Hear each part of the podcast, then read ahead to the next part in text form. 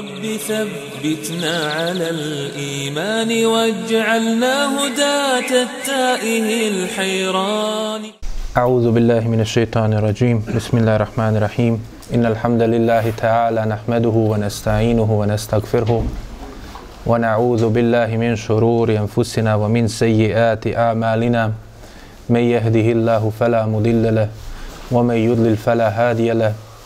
واشهد ان لا اله الا الله وحده لا شريك له واشهد ان محمدا عبده ورسوله ارسله الله تبارك وتعالى بالهدى ودين الحق ليظهره على الدين كله وكفى بالله شهيدا ثم اما بعد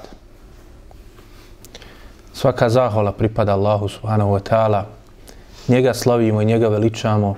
Od njega pomoć i oprost za naše grijehe tražimo. Neka je salavat i selam na njegovog posljednjeg poslanika, njegovog miljenika i odabranika, Muhameda sallallahu alihi wasallam, njegovu časnu porodcu, sve njegove plemenite ashabe i one koji slijede njihov do put do sudnjega dana. A zatim, nakon što smo vidjeli kako su se odvili događaji hijđre Allahov poslanika sallallahu alihi wasallam sa njegovim drugom Ebu Bekrom, As-Siddiqom radijallahu anhu, nakon što smo vidjeli šta nas je sve hijđra naučila i koje su velike mudrosti i poruke i pouke za nas kriju u događaju hijđre Allahu poslanika sallallahu alaihi ve sellem, nastavljamo dalje sa onim događajima koji su slijedili nakon toga. A to je jel, početak jednog novog perioda u životu Allahov poslanika, sallallahu alaihi ve sellem, a i njegovi ashaba u Medini. Dakle, završili smo bili s time da je Allahov poslanik, sallallahu alaihi ve sellem, stigao u Medinu, rekli smo da je to bilo u ponedeljak, po ispravnijem mišljenju da je to bilo 8. Rebiul Evala, 14. godine po poslanstvu, koja će kasnije jel, postati, kao što smo rekli, prva godina po hijđri. Neki spominju da je bilo 12. rebiju levola, dok drugi kažu da je tog dana poslanik sallallahu alaihi ve sellem prvi put ušao u grad Medinu, a osmog je došao, jel, ono što spada u Medinu, ali predstavlja njegovo predgrađe, a to je, dakle, to mjesto Kuba. Što se tiče toga, kako je to, jel, da je se desilo 14. godine po poslanstvu, u trećem mjesecu i zašto je odlučeno i zašto su Omer radijallahu anhu sa ashabima napravili dogovor i konsenzus i složili se od toga da prva godina koju će računati bude ta godina, dakle godina Hidžri Allahov poslanika sallallahu alaihi ve sellem, ali su uzeli dakle, da je prvi mjesec Muharrem, to je zato što je poslanik sallallahu alaihi ve sellem, dakle drugu prisegu nakabi su mu stanovnici Medine dali u mjesecu Zulhidže, dakle u danima hađa. I na hađu su mu dali dakle prisegu, pa je onda nakon toga Allahov poslanik sallallahu alaihi ve sellem odmah je sljedeći mjesec nakon toga je Muharrem bio donio odluku i dobio dozvolu, dakle dobio naredbu da se ide na dakle hidžru, ali tek u Rebiul Ewalu je došla dozvola od Allaha subhanahu wa ta'ala da Allahu poslanik sallallahu alaihi wa sallam lično kreni na sam put hijri. Ali dakle u tom vremenu od mjeseca Muharema pa do Rabiul Evola trajale su pripreme i odlazak nekih od ashaba na, na hijđru i priprema Allahov poslanika sa Ebu Bekrom da učine hijđru, kao što smo spominjali. Pa zbog toga, jel, to odatle se računa kao prvi mjesec Muharrem hijđretske godine, i odatle se računa je li ta prva godina.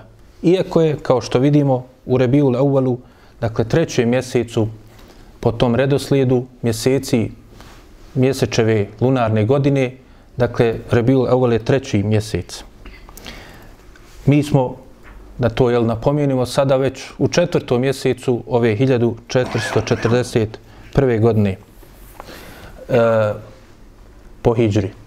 Dakle, Allahov poslanik sallallahu alaihi ve sellem kao što smo rekli u predaji kod Buhari u kojoj e, dug, dugo je predaji kod Buhari u kojoj se spominju mnogi događaj i hijdre i onoga što je uslijedilo nakon hijdre, između ostalog se spominje da je Allahov poslanik sallallahu alaihi ve sellem na putu i u blizini Medine sreo u toj predaji se spominje Zubeir, u drugim se spominje i Talhu, radijallahu anhuma. Dvojicu nerazdvojni drugova Allahov poslanika, sallallahu alaihi ve sellem, koji su jedni od onih deset kojima je obećan dženet još za života, a Allah bio zadovoljan sa njima, oni su bili nerazdvojni drugovi, pa su se zadesili u ovim danima i ovim vremenima kada se odlučivalo da li će se ići na hijđru ili ne i događajima koji su slijedili, oni su bili na trgovačkom putu u Šamu. Pa se potrefilo da se tada vraćaju sa puta i oni su jel, morali da sa tom karavanom se vrate u Meku i odmah su nakon toga, dakle nakon Allahov poslanika, sallallahu alaihi ve sellem, onda će i oni učiniti hijđru. Treba spomenuti također da su oni jel, ovde kada su sreli Allahov poslanika i Ebu Bekra, dali im lijepu odjeću novu koju su kupili u Šamu, a oni su jel, već bili istrošili svoju odjeću i Allahov poslanik, sallallahu alaihi ve sellem, i Ebu Bekr na tom teškom putu hijđre koji smo jel, videli kako su ga prošli. Također treba spomenuti i da Talha ibn Ubejdullah i Zubeir ibn al-Awam radi Allahu anhuma također kao što su i zajedno živjeli na kraju će zajedno i kao šehidi preseliti u fitnama koje će nastupiti nakon ubistva Osmana radijallahu anhu, pa će jel, u onoj poznatoj bici kod Deve i jedan i drugi biti ubijeni nepravedno i šehiditi u toj borbi koja je se zadesila u tom vremenu. Dakle, kao što su zajedno živjeli, Allah je zajedno i sastavio na šehadetu da preseli na ovome svijetu. Da ih Allah nagradi za sve ono što su uradili za islam i muslimane. Kusanam. se. Dakle, Allahu poslanik sallallahu alaihi ve sellem i Ebu Bekr dobili su tu novu odjeću. Pa se spominje dalje u tom hadisu kod Buharije, koji se spominje i kod drugih, ali dakle ovo je predaja kod Buharije konkretno, u njegovom sahihu kaže se da su izlazili ensarije kada su čuli da je već poslanik sallallahu alaihi ve sellem krenuo i da će uskoro da dođe, izlazili su svaki dan u taj, e, dakle, crni kamenjar koji je karakterističan za Medinu, koji je predstavljao granice samog grada Medine i ostao granicama Medine, kao što je i rekao Allahov poslanik sallallahu alaihi ve sellem, da je harem njegov ono što je između dva crna kamenjara, pa kaže se, alikum se da je, su oni izlazili sve dok ne bi postala velika vrućina. Kada bi postala velika vrućina, onda se vraćali u svoje domove, dakle u onoj najvećoj žestini podnevskoj i najvećoj vrućini, onda bi se vraćali u svoje kuće, pa bi onda posle opet izlazili da bi dočekali Allahov poslanika, sallallahu alaihi ve sellem, iščekivali ga.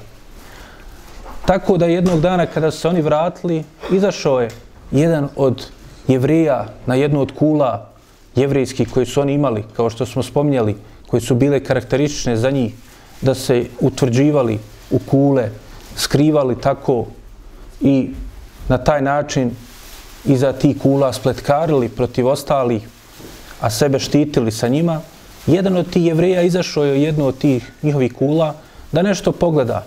Pa je onda u daljini vidio neko blještavilo koje se prelamalo u toj velikoj vrućini, jačini sunca, kada je naj, najjače, najviše sija, vidio je neko blještavilo od kojeg se odbija svjetlost.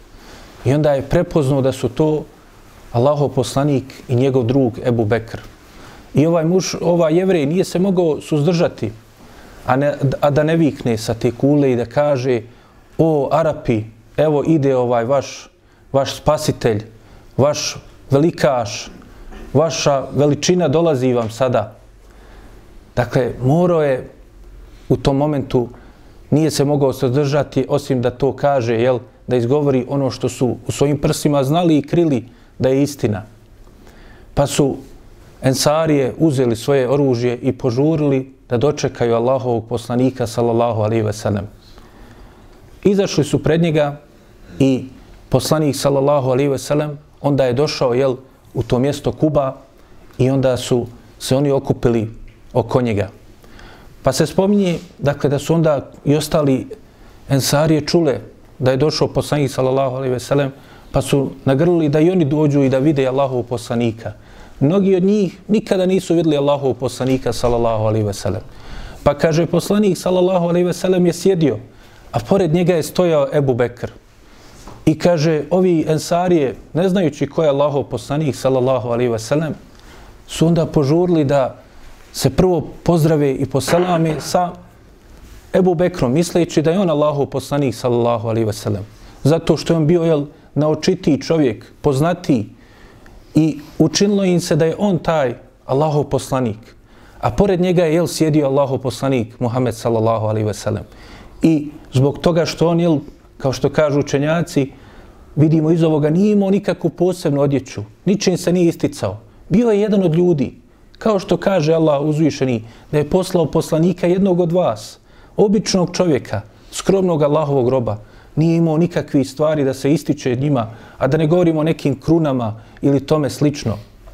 Pa kaže, kada je pojačala se ta vrućina, onda je Ebu Bekr skinuo svoj ogrtač i onda ga zagrnuo Allahovog poslanika sa njim. Onda su, kaže, Sarije shvatile da je u stvari to Allahov poslanik, sallallahu alihi wasallam. I onda su, jel, prišli da ga poselami i da, jel, odaju mu ono kako dolikuje njegovom položaju Allahov poslanika o, i da ga na takav način jel, još, još bliže dočekaju i prema njemu se još bolje odnose. Allahov poslanik sallallahu alaihi ve sellem je nakon toga se sklonio i otišao da odsjedni u kuću jednog od ensarija kojim je bilo ime Kulsum ibn Hidm. Hidm. Kulsum ibn Hidm je čovjek kod kojeg će osjesti Allahov poslanik sallallahu alaihi ve sellem a za njega se spominje da je on bio od onih koji će među prvima preseliti od stanovnika Medine u životu Allahovog poslanika sallallahu alaihi ve sellem, kao što to spominje Ibn Hajar, Hafiz Ibn Hajar kaže dakle da je dakle ovaj Kulsum Ibn Hidm preselio prije same bitke na Bedru, koja je prva bitka koja će se velika održati i odviti u životu Allahovog poslanika sallallahu alaihi ve sellem. I naj, jedno od najznačajnijih Pa dakle, kaže se jel da je on bio među prvima ili kaže čak može se reći da je bio prvi koji je preselio kao musliman od Ensarija u životu Allahov poslanika sallallahu alaihi sellem Neki spominju da Allahov poslanik sallallahu alaihi sellem nije odsjeo kod njega, nego da je odsjeo kod drugog jednog ashaba kojim je bilo ime Saad ibn, ha, eh, Saad ibn Hejseme. Taj ashab također jel, od Ensarija, bio je mladić, bio je iz plemena Aus i bio je jedan od učesnika bitke na Bedru. Zato se kaže Saad ibn al-Hejseme al-Ausi al-Bedri. I ne samo da je bio učesnik bitke na Bedru, nego je jedan od šehida bitke na Bedru. Preselio je kao šehid u toj bitci.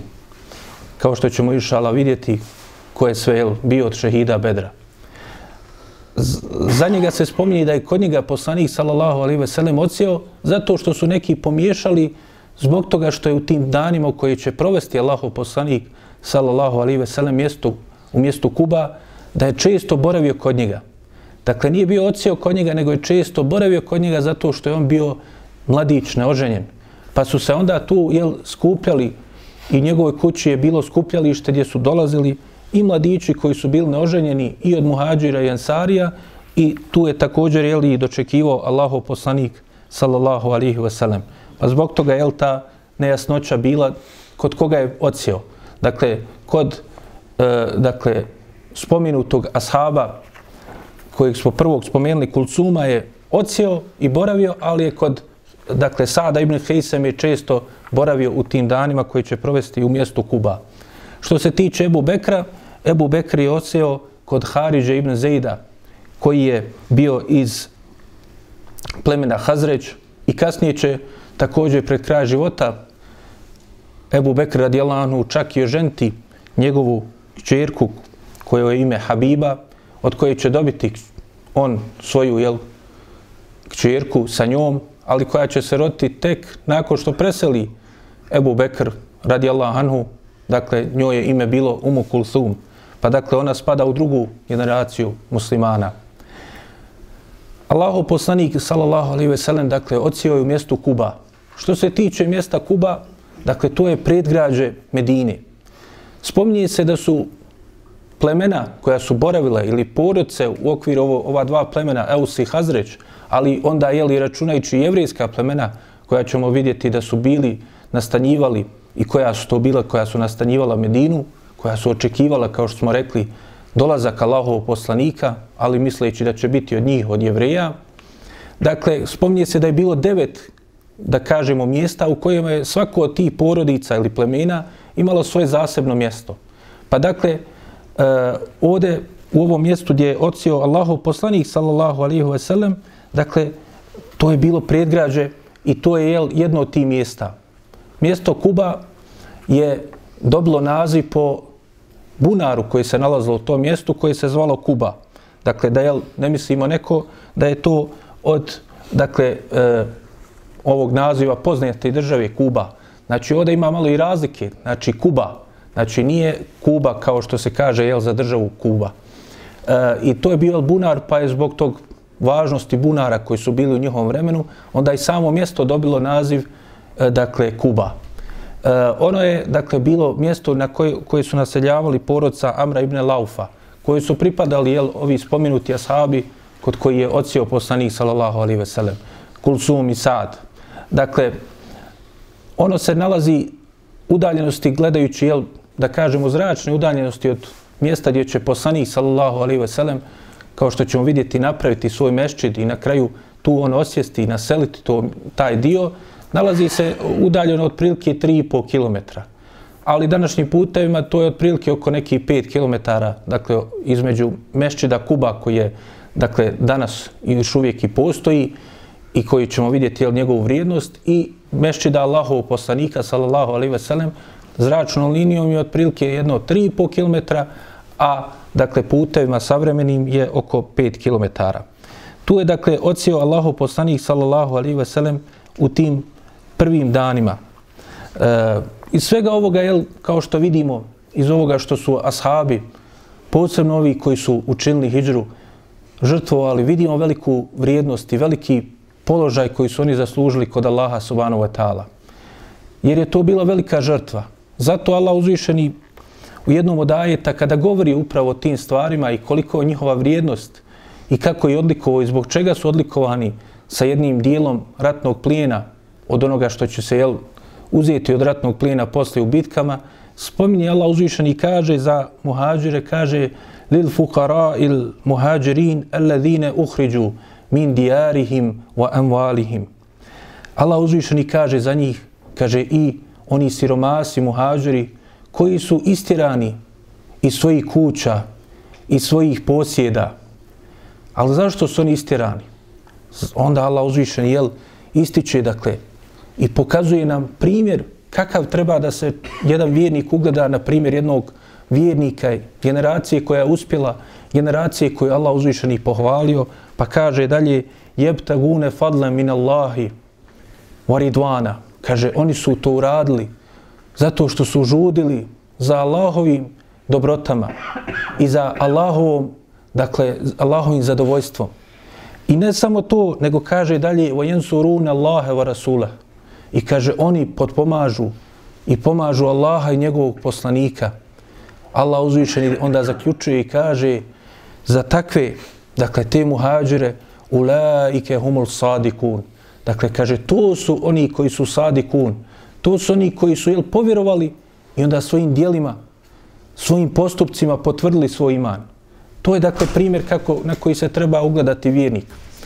Nije bilo njima lako, sve to žrtvovati što su žrtvovali. Nije im bilo lako podnijeti sve to što su podnijeli. Zato i poslanik, sallallahu alaihi veselem, kao što je došlo kod imama Ahmeda u njegovom usnedu i spominje imam Begavi u svome šarhu sunne, spominje dakle kako je Allahu poslanik, sallallahu alaihi veselem, hrabrio te ashabe i obveseljavao je za ono što su uložili na Allahovom putu i kaže, kaže, radujte se vi siromasi, Vi fukare radujte se. Fukare, jel, u smislu kao što kaže Allah uzvišeni. Dakle, ti siromasi koji su žrtvovali svoje metke i svoje domove, ali radi Allahovog zadovoljstva, radi Allahovi onoga što je kod Allaha, radi toga što su jel želi da pomognu Allaha i njegovog poslanika. Pa kaže dalje, dakle Allahov poslanik sallallahu alaihi ve sellem, radujte se vi siromasi od muhađira, kaže jer vaš uspjeh, potpuni uspjeh, nije ovo što ste na Dunjalku doživjeli, a doživjeli su, kao što ćemo vidjeti, velike uspjehe i na Dunjalku. Velike uspjehe i u Dunjalučkom smislu i u imanskom na Dunjalku. Ali kaže, vaš potpuni uspjeh je na sudnjem danu.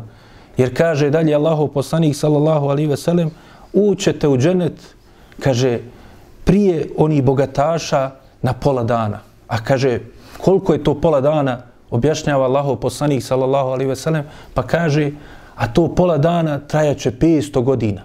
500 godina prije drugi ćete ući u dženet. Zato što su, jel, žrtvovali ono malo dunjaluka, prolaznog, male djeliće dunjalika koji su posjedovali, koji su na kraju prolazni, koji bi onako ostavili radi Allaha uzvišenog. Istrpili su, osaborili ono što je zatesilo na tom putu.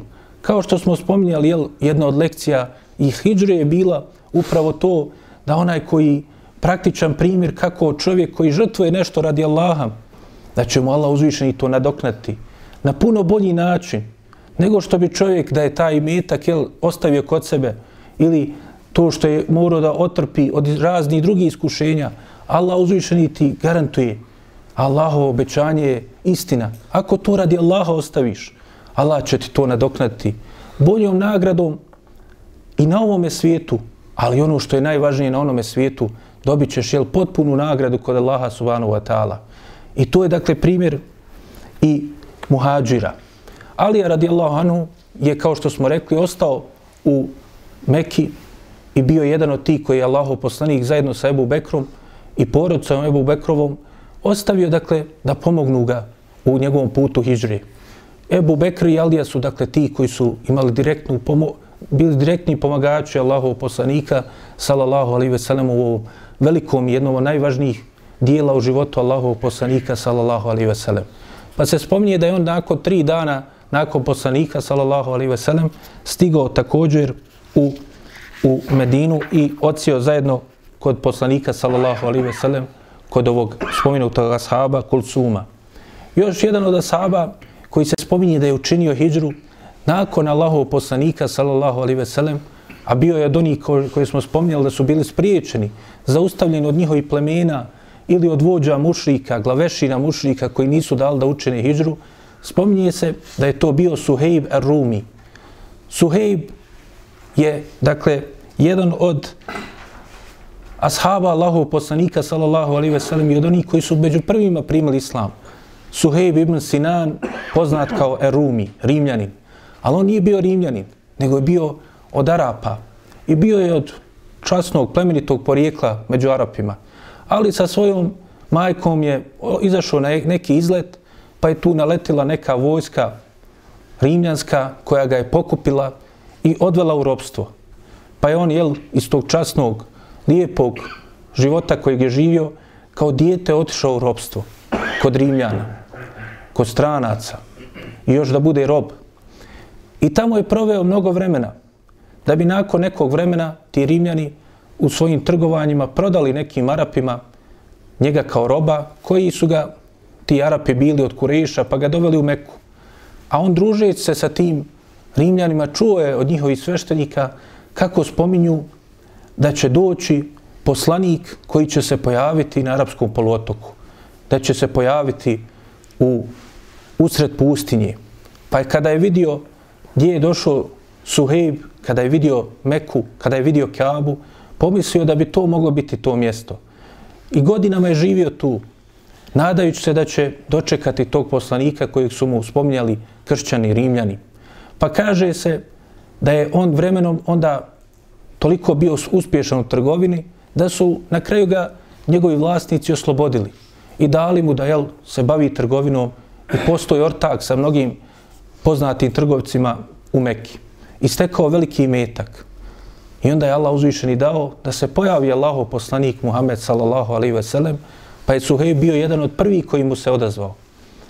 Ali kada je došao moment hijđre, spominje se, jel, iako te predaje imaju svaka od sebe slabost, ali ima dosta tih predaja, pa učenjaci spominju da su mogu prihvatiti i da se mogu spomenuti kao prihvatljive predaje.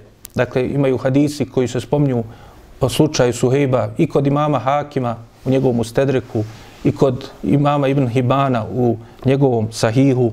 Imam Ahmed također spominje, imam Bejhek i drugi. Pa kaže se, kada je tio da učeni hijđru, nisu mu dali. Kaže, ti si došao kao rob kod nas. Veliki si metak stekao. Nećemo te pustiti da ideš. I onda nakon nekog vremena njima je rekao Suhejb, kada je vidio da ga neće da puste, želite li, kaže, da vam dam ovaj savi metak, da me pustite, da idem na hijđru. I oni su na kraju ga i pustili da tako učini hijđru. Kaže, došao si bez ičega, bez ičega onda možeš i da odeš. Bio si rob, ništa nisi imao, taka možeš i da odeš. Tako ćemo te jedino pustiti.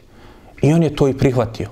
Zato što je želio da se pridruži Allahovom poslaniku, sallallahu alaihi veselem. Zato što je želio da ispuni naredbu Allahov poslanika da se učini hijđra.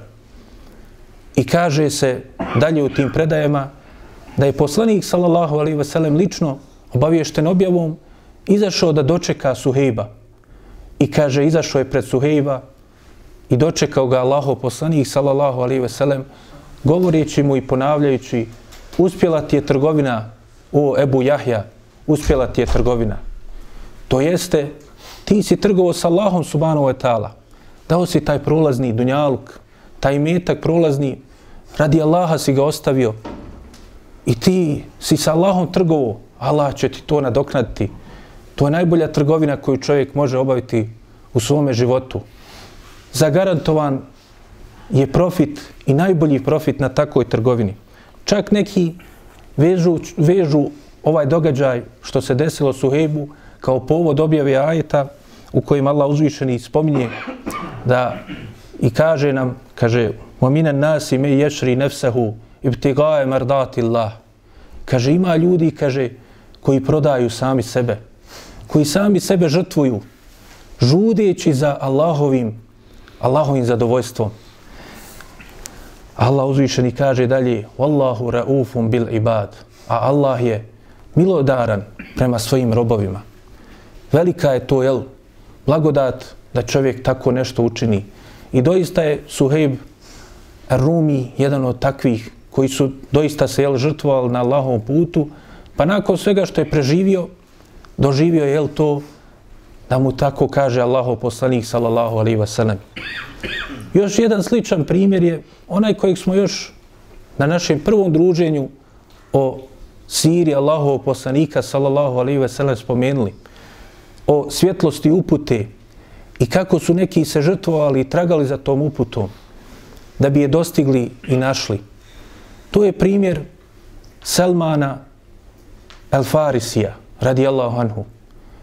U tim jel danima, kada je poslanik sallallahu alaihi wa sallam došao u Medinu, kao rob u Medini je boravio Salman El Farisi, iz časne, ugledne, da kažemo, kuće plave krvi iz Perzije došao je Salman el Farisi tragajući za istinu. Sam za sebe kaže, proveo sam život kao rob kod više od deset gospodara. Dakle, promijenio je više od deset svojih gospodara, ali svo vrijeme je žudio i tražio kako da dođe do istine. Napustio je svoj dom zato što je vidio kršćane kako jel, imaju neke svoje obrede i badete, pa je želio da sazna kakva je razlika između vatro pokloništva u kojem su oni bili, između kršćanstva, a onda je vremenom saznao da i postoji da će se pojaviti neki poslanik. Pa je na kraju Allah dao da je ko rob, on završio u Medini, ali mu to nije bilo teško, to što je bio rob i to kod jevreja, zato što je znao i prepoznao znakove da će se tu pojaviti Allahov poslanik sallallahu alaihi wasallam.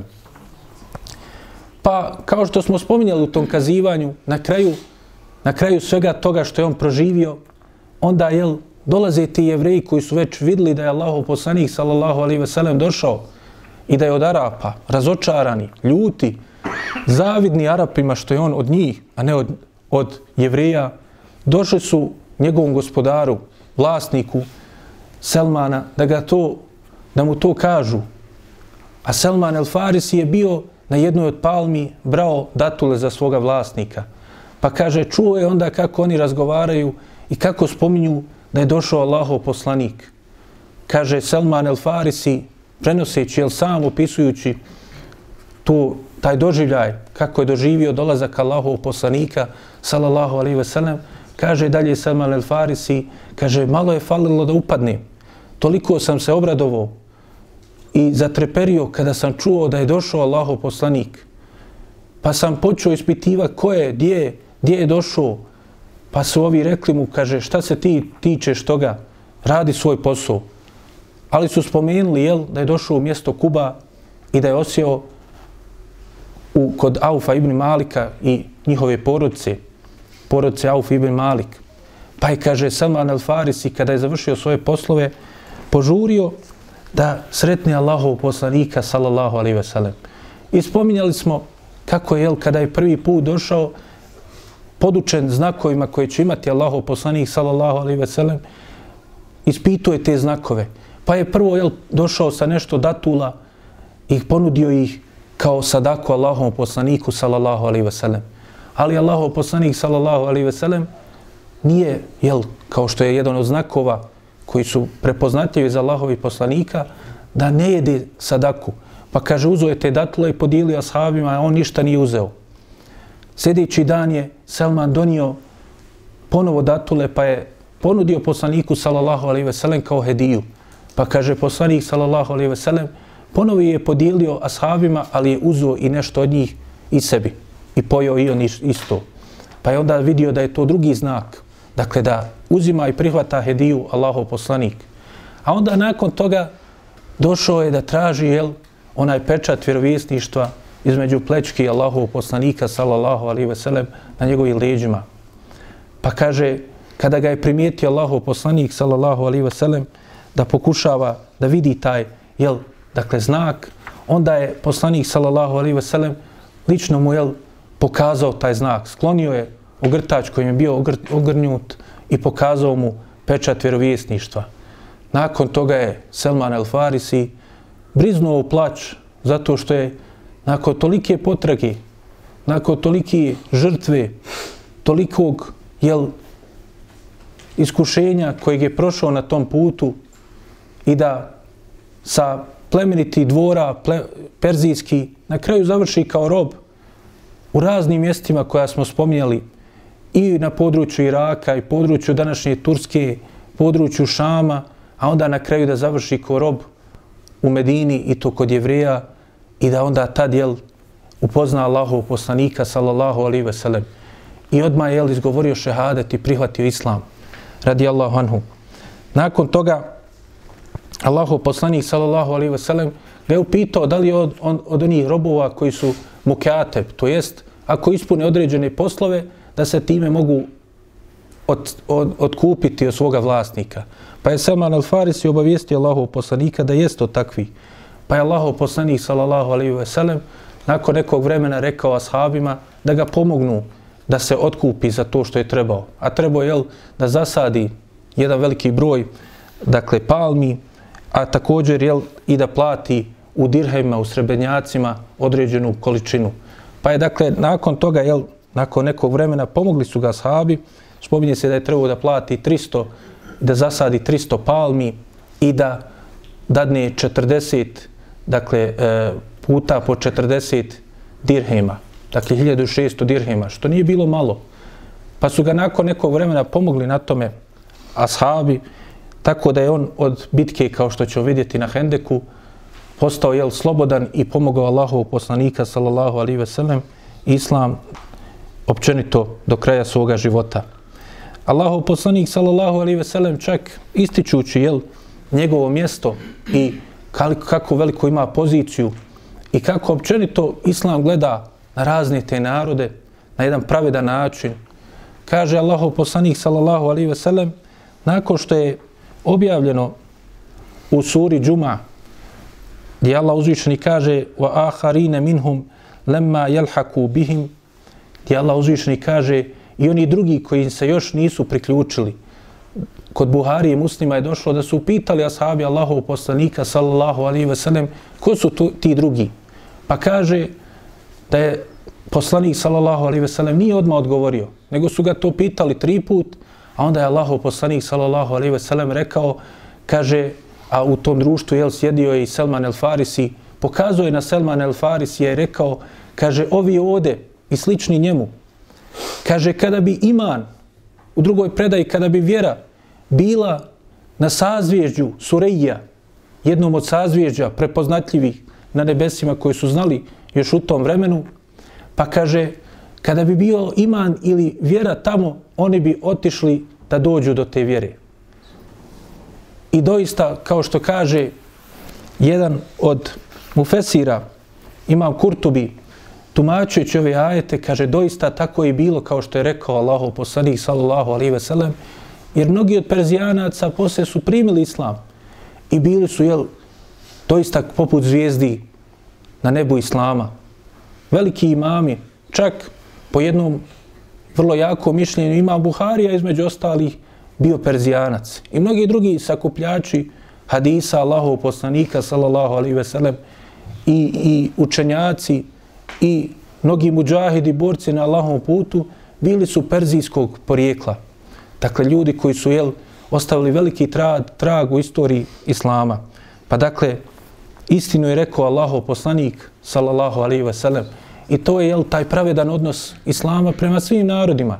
Nema razlike između ljudi, nema nacionalizama, nema nikakih drugih podjela osim podjele na podjeli imana, na podjeli onoga koje kako treba izvršava Allahove subhanove ta'ala naredbe i njegovog poslanika i onoga koji se kloni na ispravan način njihovi zabrana, onaj koji je na ispravan način praktikuje Allahovu subhanove ta'ala vjeru i oni koji ne rade tako. To je jedina prihvatljiva podjela među ljudima koju Islam priznaje. Allahov poslanik sallallahu alaihi ve sellem što se tiče koliko je vremena proveo u Kuba, postoji razilaženje među učenjacima zato što je došlo u nekim hadisima i u ovom spomenutom dugom hadisu o hijđuri Allahov poslanika, a i također i sam ashab Enes ibn Malik radijallahu anhu kažu da je poslanik sallallahu alaihi ve sellem u Kuba proveo 14 dana. A nakon toga je jel, otišao u dubinu, u sami grad Medinu.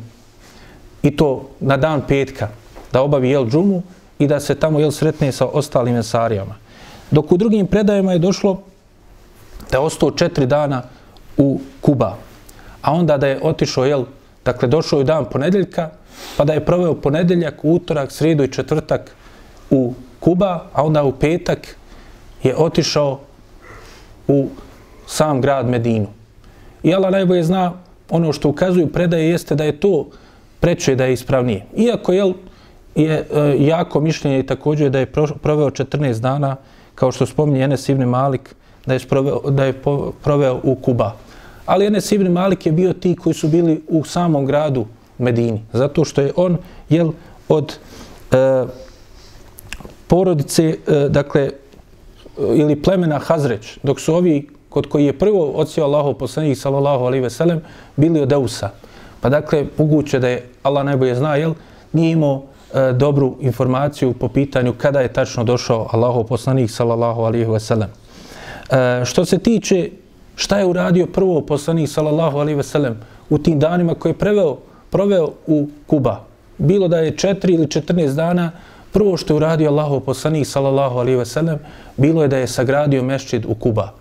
I to je prvi mešćid koji je sagrađen u islamu. I to je onaj mešćid koji se ispominje u Kur'anu. Dakle, evole mešćiden, dakle, prvi mešćid koji je sagrađen na bogobojaznosti i pokornosti Allahu subhanahu wa ta'ala od prvoga dana. Kao što se spominje jel, u suri Taube. Poznati ajeti koji govori o mešćidu Diraru, koji ćemo kasnije vidjeti, koji su napravili u Nafici, želeći da napakosti i učini nažao Allahom poslaniku, sallallahu alaihi ve sellem. Dakle, to je prvi mešćid u istoriji Islama, mešćid Kuba, koji danas dan postoji. Što se tiče, jel, kako je to prvi mešćid, kažu učenjaci, značenje toga jeste što je to prvi mešćid kojeg su muslimani sagradili općenito, jel, za svoje potrebe. Postojali su neki pojedinačni mešćidi. Ili, s druge strane, možemo reći, jel, mešćid, e, dakle, Haram, Kaaba je prva, prva džamija, ali nju je sagradio još Ibrahim alaih salam. A sljedbenici Muhameda sallallahu alaihi ve sellem i on lično, prvo što su sagradili je bio Mešćedul Kuba. Videli smo iz predaja čak i Ebu Bekr da imao prostoriju u kojoj je obavljao svoje ibadete. Također vidjeli smo da su, jel, e, dakle, muhađiri koji su došli, a prije toga i ensarije koji su primili islam, dakle, da su oni imali i džumu i također da su imali dakle, mjesto gdje su klanjali. Ali, dakle, to nije bio objekat koji je izgrađen, nego to su bile uvale i doline na kojima su oni klanjali neka jel, mjesta koja su odredili za klanjanje, ali, dakle, nije bilo poseban mešće tu izgrađen. Tako da je prvi mešćit koji je izgradio bio ovaj mešćit koji je, jel, kao prvu stvar koju uradio i kada je došao u Kuba, kao što ćemo vidjeti, prvu stvar koju će uraditi kada je došao u u Medinu, bilo je da je napravio mešćit. Dakle, to je osnova i temelj onda oko kojeg se jel, počelo da formira društvo i zajednica koju je formirao Allahov poslanik sallallahu alaihi ve sellem. Dakle, vrijednost tog mešćida je između ostalog je li to što se što je on prvi mešćid koji je izgrađen, ali također ima i druge vrijednosti taj mešćid.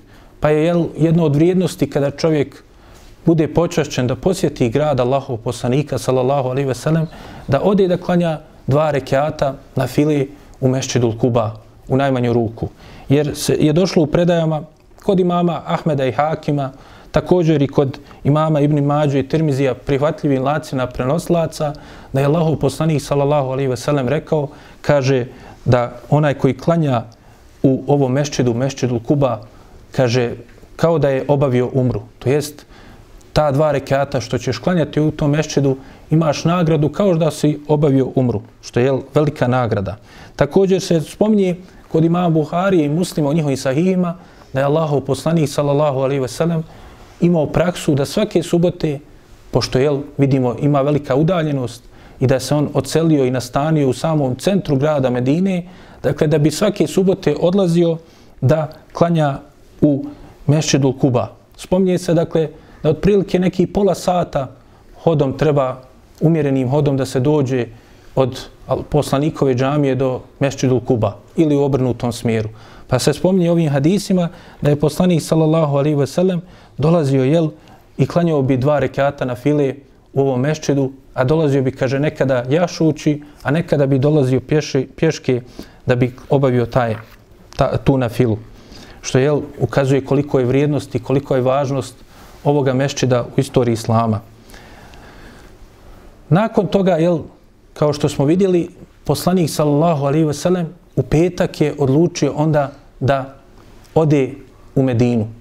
Pa se spominje da je poslanik sallallahu alaihi ve sellem onda kaže uzo jednu jahalicu zajedno sa Ebu Bekrom je uzjahao, dakle zajedno su bili samo oba dvojica njih na toj jednoj jahalici i onda su jel krenuli da obave džumu u samoj Medini i da poslanik sallallahu alaihi ve sellem posjeti Medinu.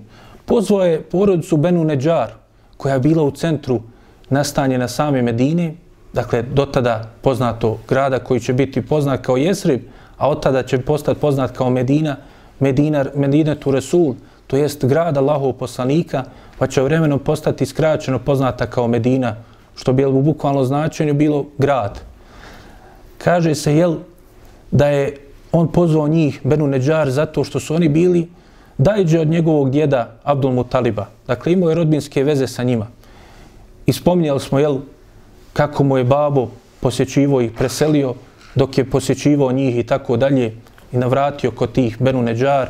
Pa dakle, oni su izašli da dočekaju Allahu poslanika, sallallahu alaihi ve sellem, i da ga oni doprate do centra grada.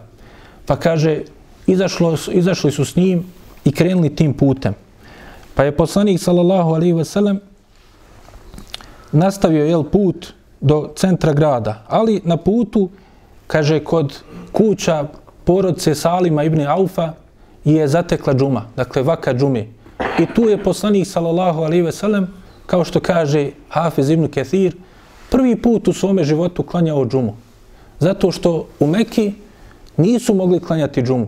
Iako, jel, dakle, moglo se uopćenito da se klanja, ali bili su spriječeni i nisu mogli jel, održati hudbu mušici iz onog neprijateljstva svoga i svega što su priređivali Allahov poslaniku, sallallahu alaihi veselem, on nije bio u mogućnosti onda da održi džumu. Pa je dakle to bila prva džuma koju će klanjati Allahov poslanik, sallallahu alaihi veselem, i koju će on jel, predvoditi kao imam i održati hudbu muslimanima.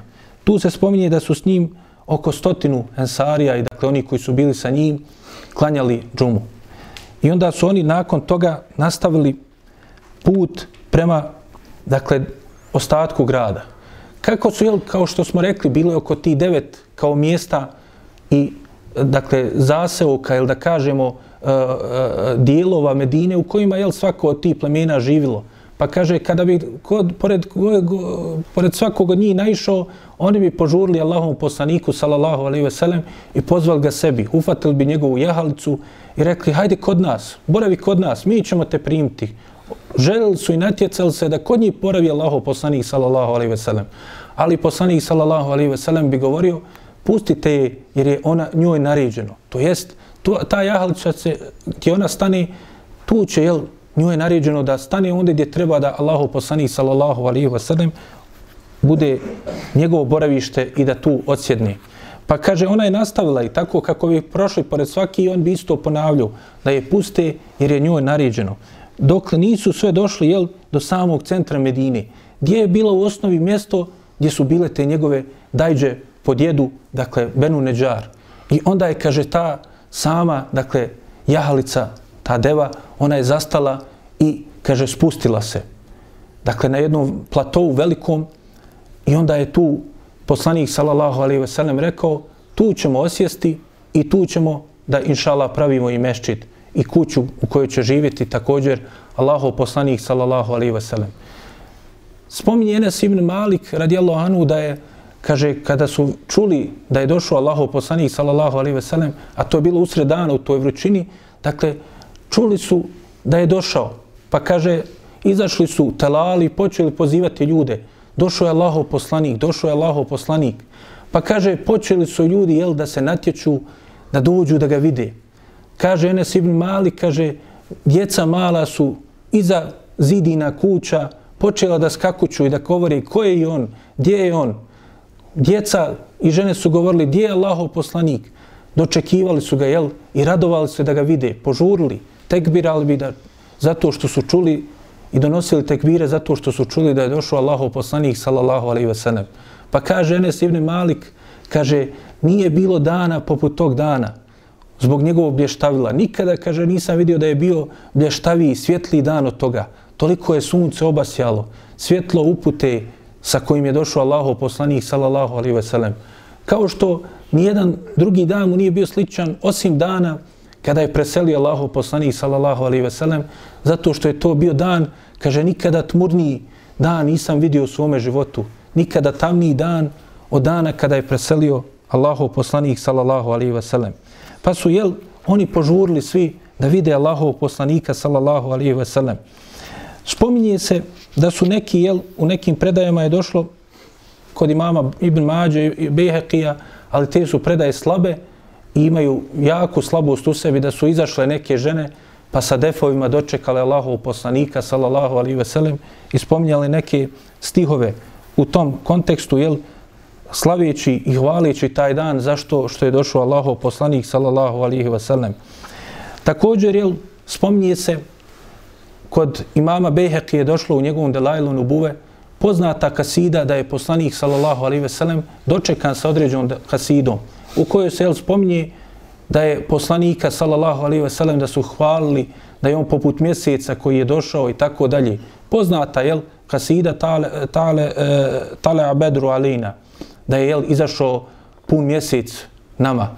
Ali takle, ta predaja je ima veliku slabost u sebi. Zato što sam taj hadis u kojoj se to spominje kod imama Beheke u njegovom delajlu, fali kao što kažu učenjaci, između ostalog Hafiz Iraki i mnogi drugi, spominju, kaže da čak trojica prenosilaca fali u tom lancu.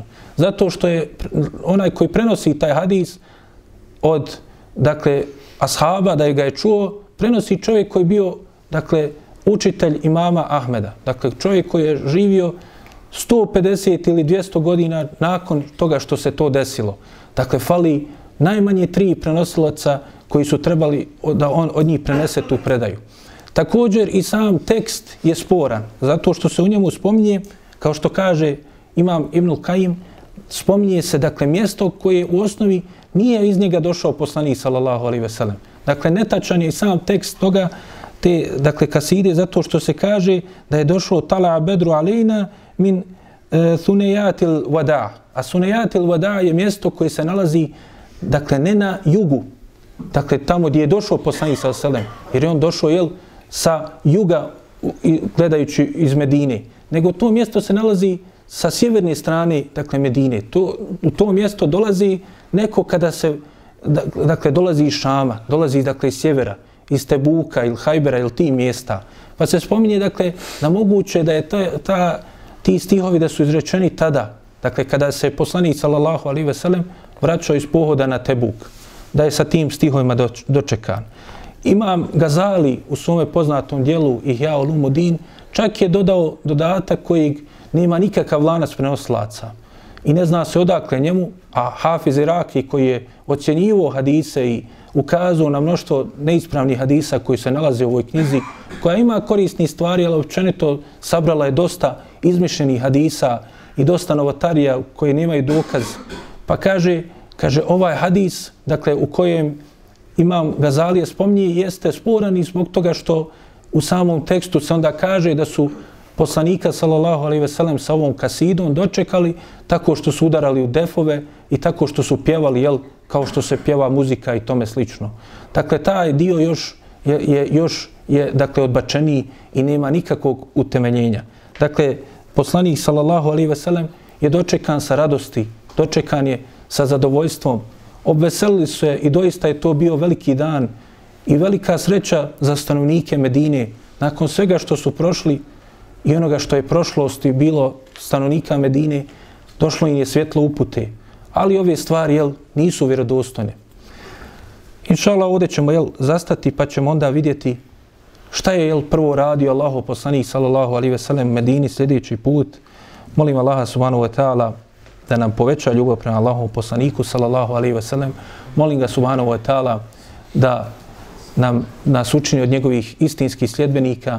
Molim ga subhanahu wa ta'ala da pomogne muslimane na svakom mjestu, posebno oni koji su od njih potlačeni i ugroženi na raznim mjestima. Molim ga subhanahu wa ta'ala da vrati, uputi nas i naš narod i vrati nas i sve muslimane ka islamu na najljepši način. Amin. Subhanika Allahume bihamdike.